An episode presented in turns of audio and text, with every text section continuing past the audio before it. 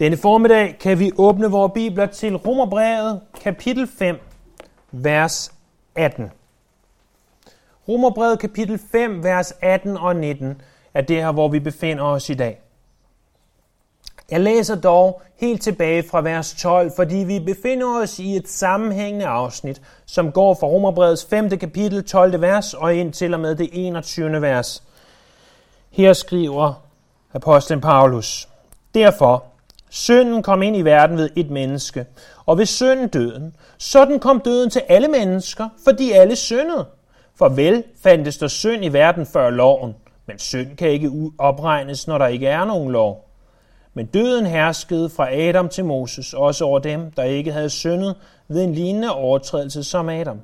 Han er et billede på ham, der skulle komme. Men det forholder sig ikke med noget gaven som med faldet. For døde de mange på grund af den enes fald, er Guds nåde og gave så meget mere kommet de mange rigeligt til gode ved nåden i det ene menneske, Jesus Kristus. Og med gaven forholder det sig ikke som med følgerne af den ene synd, for dommen blev på grund af den ene til fordømmelse, men nådegaven givet på grund af manges overtrædelser er blevet til retfærdighed. Har døden på grund af den enes fald hersket ved denne ene, så skal endnu mere de, der får retfærdighedens overvældende nåde og gave, for herredømme og liv ved en eneste, Jesus Kristus. Altså, ligesom en enkelts fald blev til fordømmelse for alle mennesker, sådan er en enkelts retfærdig gerning også blevet til retfærdighed og liv for alle mennesker. For ligesom de mange blev syndere ved det ene menneskes ulydighed, sådan skal også de mange blive retfærdige ved en enestes lydighed.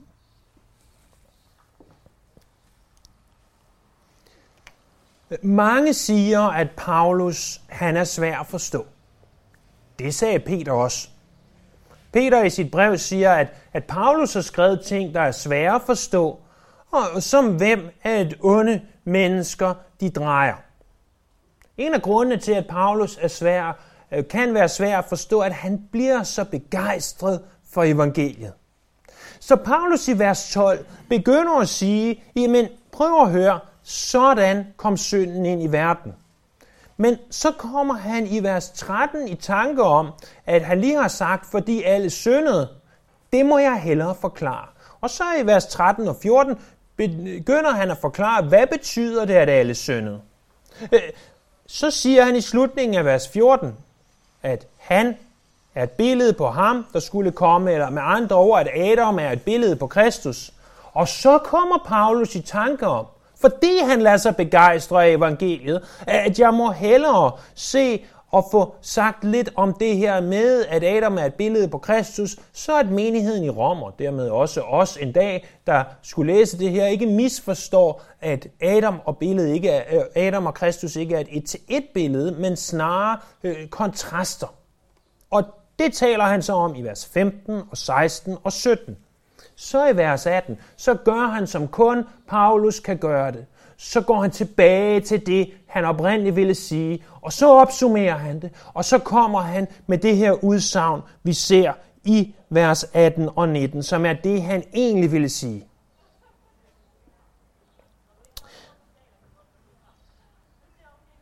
Det han egentlig står frem for at sige, det er to ting. For det første, at vi har en åndelig forening med Kristus. Vi er forenet med Kristus. Det er begyndelsen på læren om foreningen, vores forening med Kristus, som vi vil komme til at se meget, meget dybere på i, i det, vi kommer til kapitel 6. Men i og med, at han taler om, at vi er et med Kristus, så begynder han også at tale om den oprindelige synd. Hvordan kom den oprindelige synd ind i verden? Jamen, det gjorde den ved Adam. Det gjorde den ved Adam, og ved at Adam han repræsenterede menneskeheden, og lige sådan repræsenterer Jesus øh, kirken. Og hvad så? Så siger han, altså ligesom en enkelts fald blev til fordømmelse for alle mennesker, sådan er en enkelts retfærdig gerning også blevet til retfærdighed og liv for alle mennesker. For ligesom de mange blev syndere ved det ene menneskes ulydighed, sådan er de mange også blevet retfærdige ved ens eneste lydighed. Lad os først se på to repræsentanter for at forstå det her. To repræsentanter. Hvem var de? Jamen, hvis du læser vers 18 og 19, og uden at kende konteksten, uden at vide, at du læser den i konteksten af Bibelen, af den kristne kontekst, så vil du egentlig ikke vide, hvem det taler om. Men når du læser det i konteksten, så ser du tydeligt, at der er to repræsentanter. Der er på den ene side Adam, og på den anden side Jesus. De to repræsenterer hver sit. Adam fik til opgave at repræsentere menneskeheden. Øh, således at det, som Adam gjorde, det gjorde menneskeheden. Jesus fik til opgave at repræsentere kirken, således at det, som Jesus gjorde, det gjorde kirken. Det er de to repræsentanter, der er tale om. Blot for igen at slå det fast, som vi har gjort det de sidste mange søndage, i det vi har talt om Romerbreds 5. kapitel. Men der er ikke bare to repræsentanter, der er også to gerninger. Der er først Adams gerning. Adams gerning, hvad var den? Jo, prøv at se der i begyndelsen af vers 18. Ligesom en enkelts fald blev til fordømmelse for alle mennesker. Det fald, der er tale om her, det er det, som 1. Mosebog kapitel 3, vi kender som syndefaldet. Ligesom Adams fald, ligesom syndefaldet, eller måske i stedet for øh, fald vil et bedre ord være overtrædelse, ligesom Adams overtrædelse. Hvad er en overtrædelse? Jamen en overtrædelse er, at når der er opsat en specifik grænse, at så overtræder du den. Når der er en lov, og du bryder den lov, så er der tale om en overtrædelse. Og Gud havde lavet en specifik lov. Du må spise af alle træerne, undtagen træet til kundskab om godt og ondt. Det var loven, og den lov overtrådte Adam. Det resulterede i fordømmelse for alle mennesker, står der videre i vers 18. Og eftersom Adam er repræsentant for menneskeheden, så påvirkede det her altså menneskeheden. Så Adam overtræder en grænse, og fordi han repræsenterer alle, så påvirker det alle.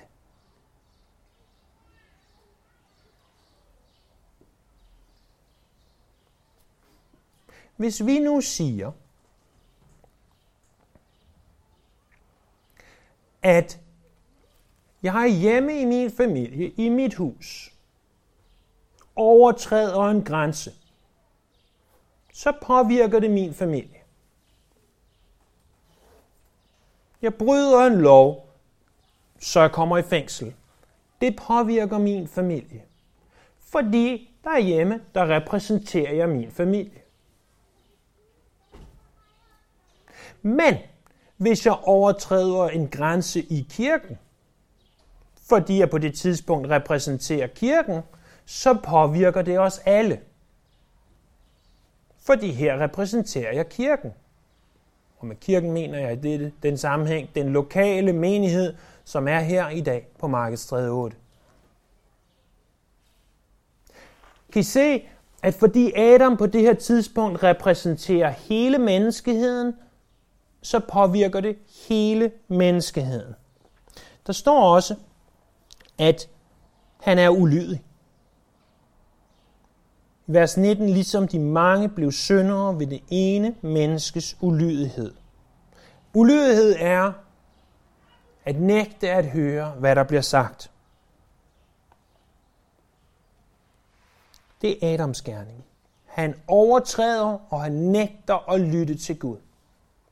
Jesu gerning, hvad er den?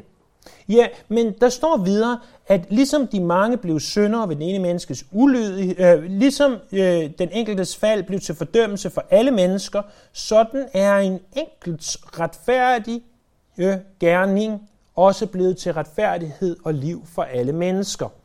Jesu retfærdige gerning, specifikt døden på korset. Øh, vi kan med rette sige, at Jesu retfærdige liv var det, der gjorde ham i stand til at hænge på korset som det, vi kalder et lydefrit offer. I husker tilbage i Gamle Testamentet, når vi læser om offringerne, så står der, øh, at det skal være et lydefrit dyr. Et dyr uden fejl. Jesus var ikke et dyr, han var et menneske uden fejl. Og det viser hans liv. Men hans liv i sig selv er ikke den retfærdige gerning, der tales om her. Det er hans død, der tales om. Det, det resulterer i retfærdighed og liv. Øh, kan I huske tilbage i Romerbrevet kapitel 1, vers 17, i det her nøglevers for brevet, der siger og, og skriver Paulus, at øh, hvis vi læser vores normale danske oversættelser, den retfærdige skal leve ved tro.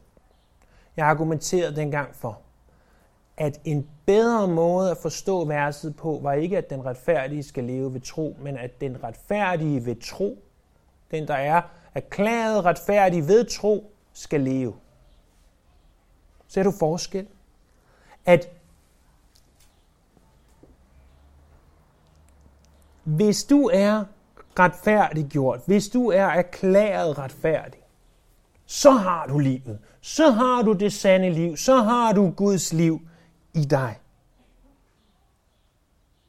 Så skal vi leve igen.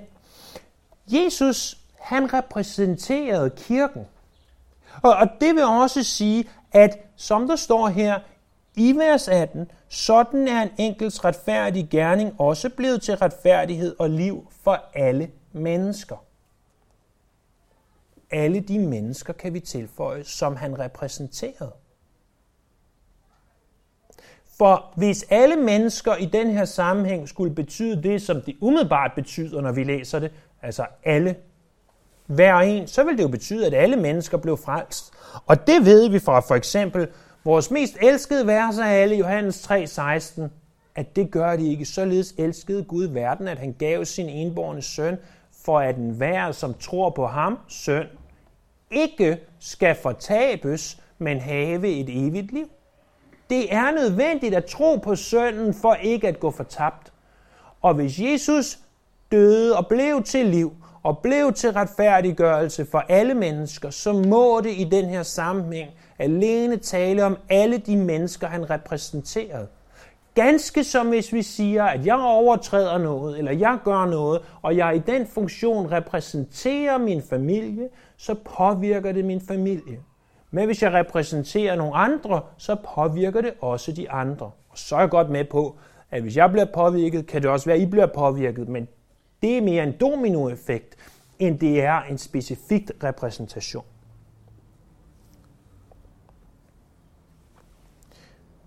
Hvor at Adams gerning beskrives som ulydighed, så beskrives Kristi gerning som ens enestes lydighed. Jesus sagde til dem, står der i Johannes kapitel 4, vers 34, Min mad er at gøre hans vilje, som har sendt mig, og at fuldføre hans værk. Og i det her mægtige afsnit, som vi læser i Filipperbrevet kapitel 2, der står der, og han blev lydig ind til døden, ja døden på et kors. Vi ser ikke bare to repræsentanter, Adam og Jesus. Vi ser ikke bare to gerninger, øh, Adams gerning og Jesu gerning, men vi ser også to resultater.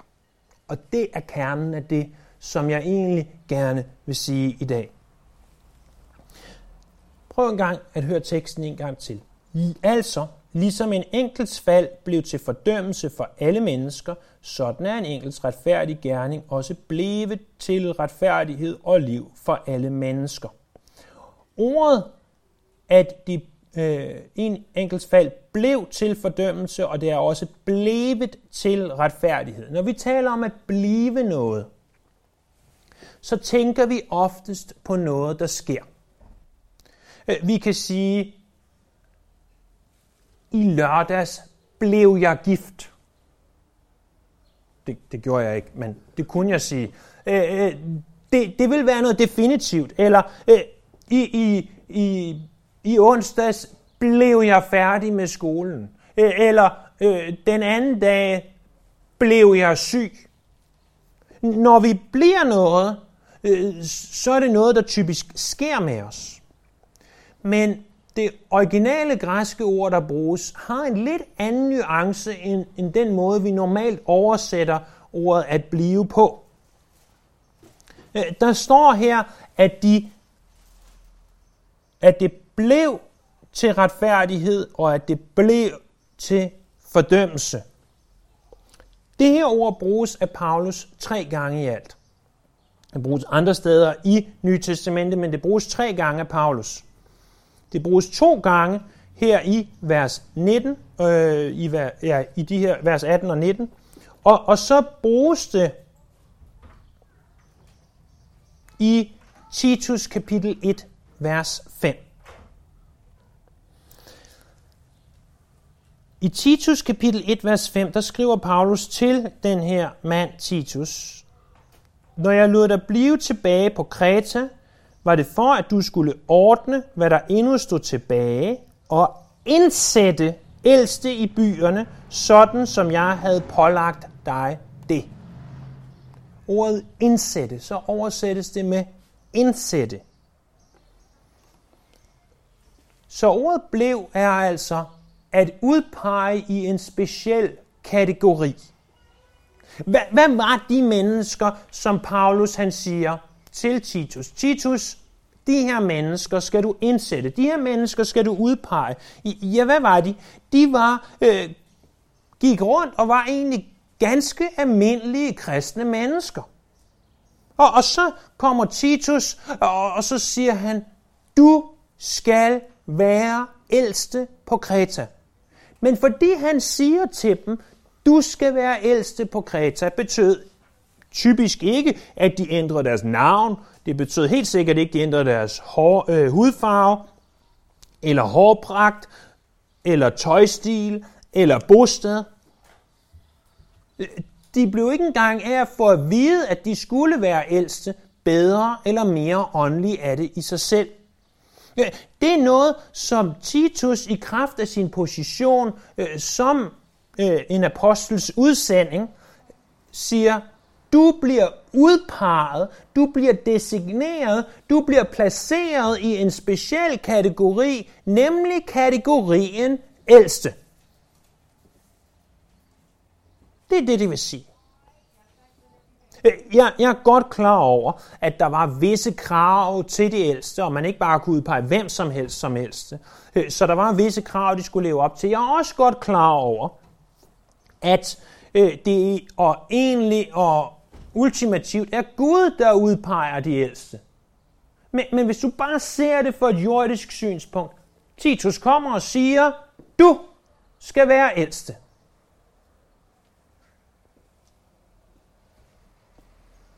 Så, så vi kan altså oversætte ordet med, at det regnes for mennesker, øh, det, noget, der regnes for en speciel kategori. Jeg kan, jeg kan give et andet og tillade mig mere banalt eksempel.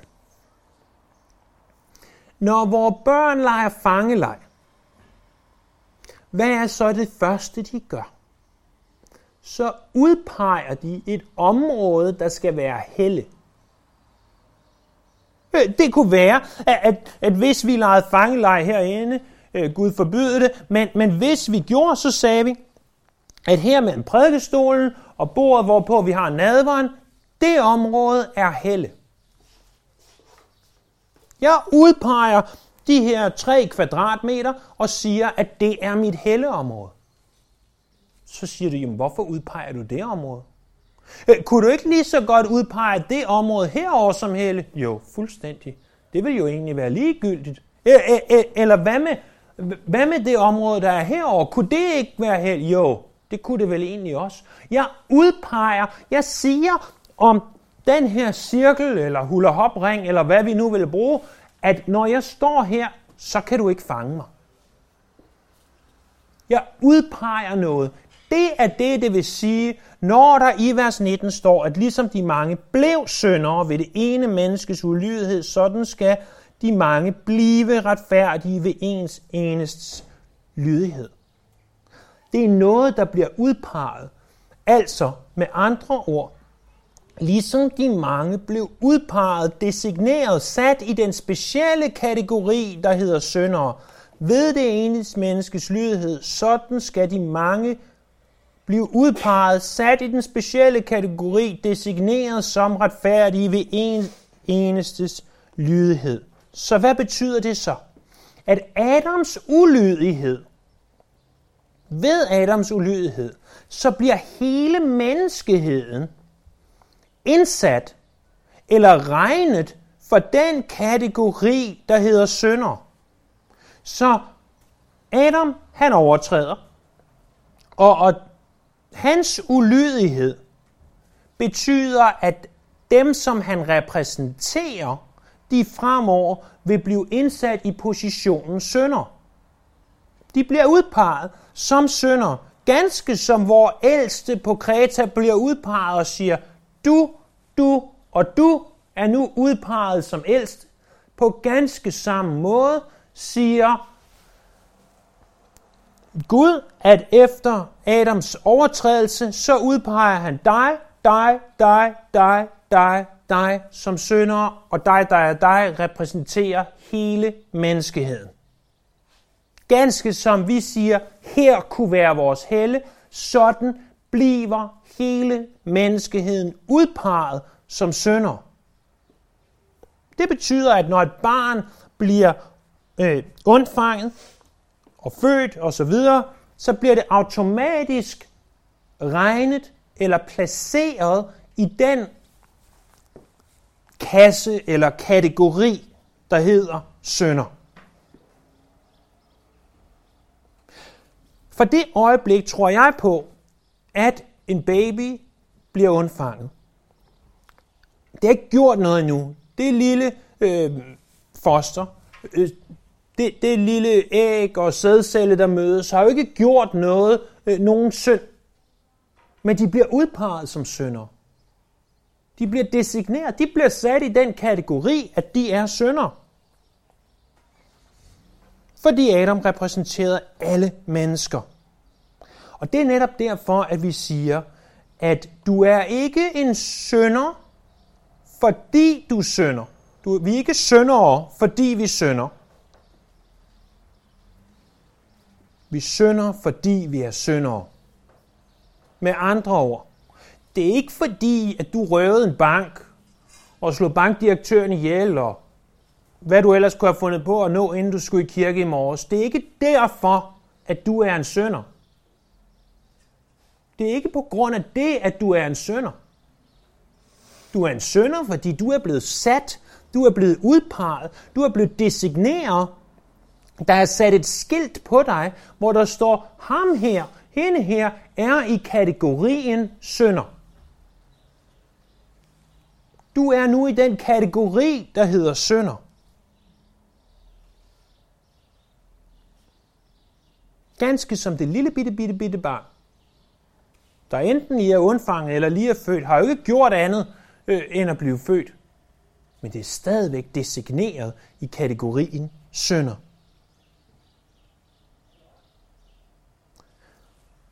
Det faktum, at alle mennesker temmelig tidligt i livet viser, at de synder, at de røver banker, at de slår bankdirektører ihjel, eller måske bare går over gaden for rødt, eller hvad man nu kan finde på af ulovligheder, det beviser, at vi er syndere.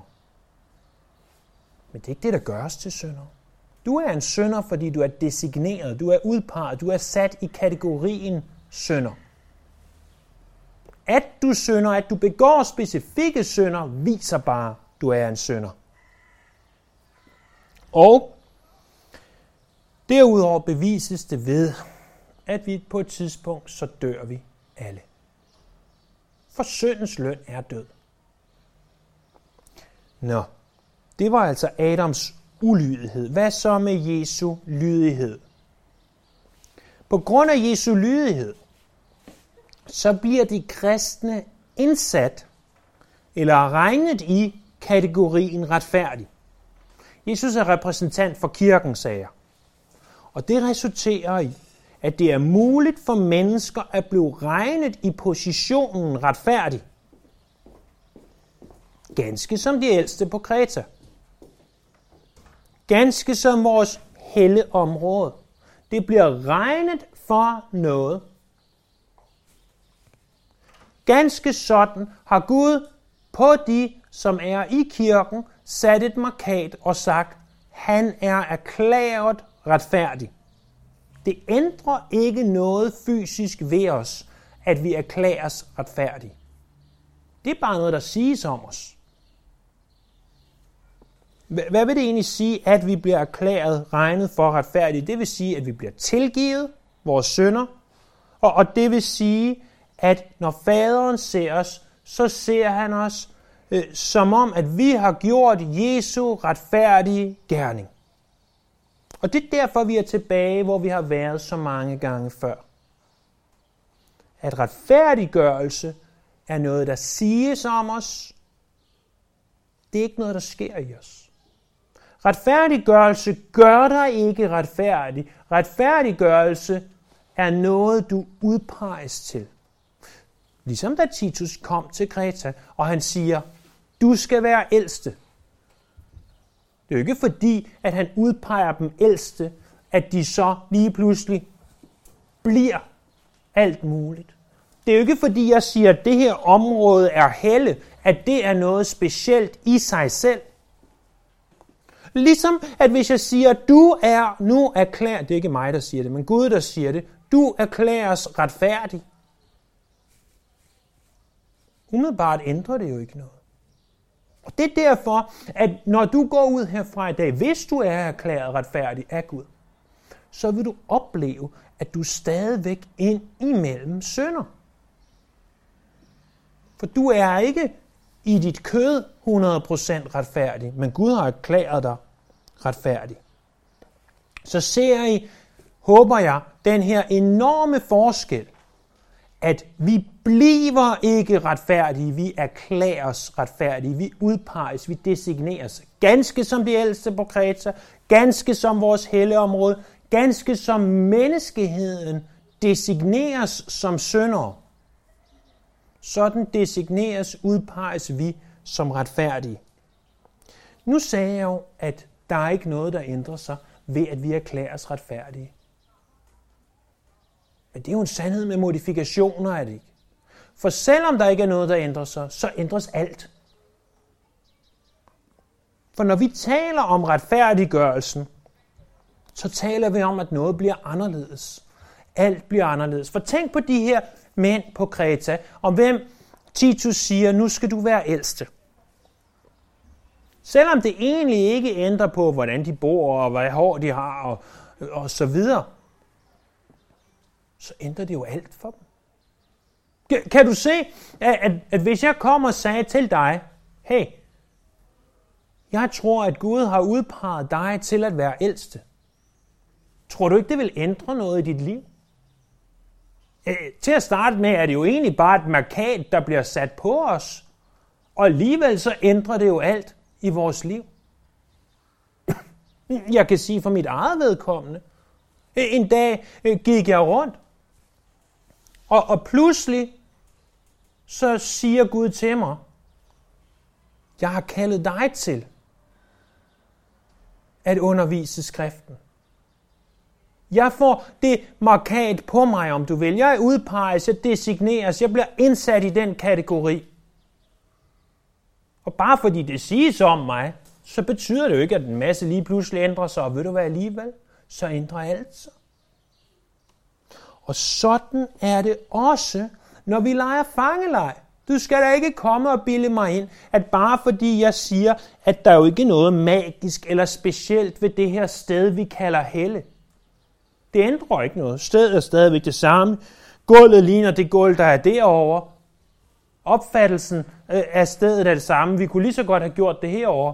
Det ændrer ikke noget, og alligevel så ændrer det alt. Det ved vi jo, hvis vi som voksne er med til at lege fangelej, ikke?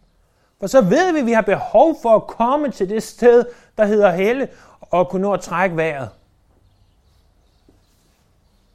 Det ændrer da alt. Og når Gud siger om dig, at du er erklæret retfærdig, og du måske ikke altid opfører dig på en retfærdig måde efter hans standarder, så ændrer det alt. Fordi det, som Gud har sagt, står fast. Det, som Gud siger, det kan og vil ikke ændres.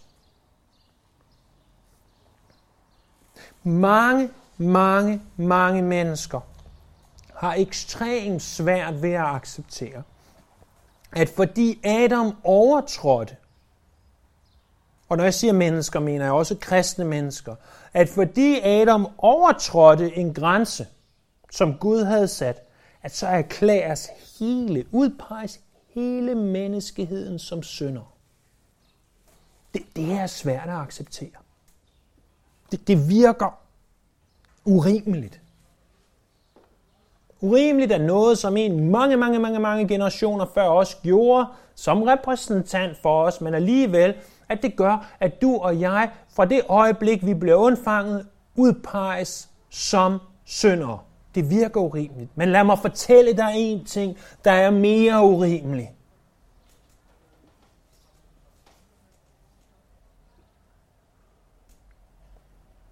Det er, at alle dine og mine beskidte tanker, alle vores nedrægtige handlinger, alt det forfærdelige, vi har tænkt og gjort,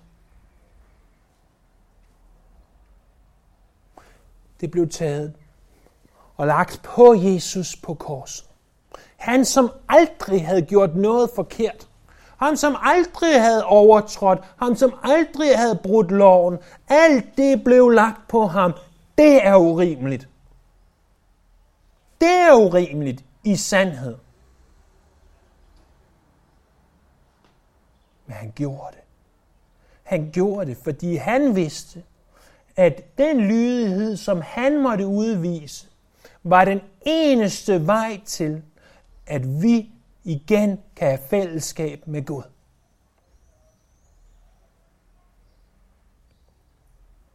Det evangeliet er dybt urimeligt, når vi ser det fra, fra Guds synsvinkel. Jeg ved godt, at vi ikke kan sætte os i Guds sted. Men, men vi er jo en modstandsbevægelse imod Gud. Mennesket, i, i, fordi det er udpeget som sønder, hader Gud. Og alligevel siger Gud, således elskede jeg verden, at jeg giver min enborgne søn, for at en vær, som gør en masse gode, retfærdige gerninger, og betaler en masse penge til kirken, og bygger alle de her fantastiske ting, de kan arbejde sig til deres frelse. Det er derfor, man skal slå op i sin bibel, det er, så pastoren ikke siger sådan noget vrøvl. Nej, for det er ikke det, der står. Ikke at vi gør noget, men at vi tror. At vi modtager det ganske gratis og ufortjent. Bare ved at tro. Og sådan kan vi have evigt liv.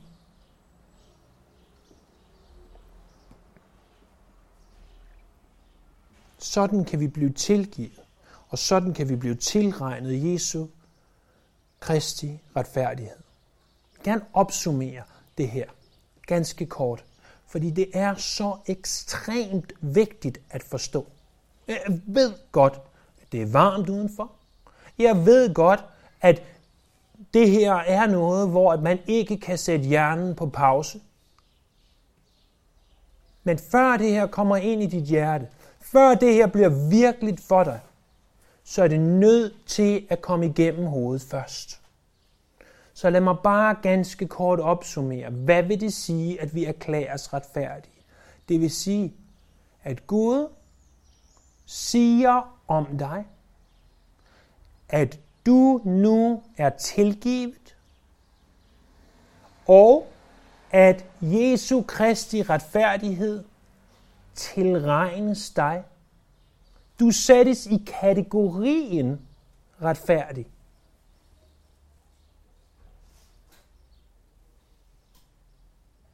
Det er det, det vil sige, at vi er retfærdigt gjort. Lad os bede. Himmelske Far, skaber og Gud, jeg beder om, at de her sandheder, de må stå klart for os. At vi må forstå, hvad de betyder her. Så at vi må leve ved dem. Så vi må leve ved det, du har gjort. Ved det evangelium, du har givet os.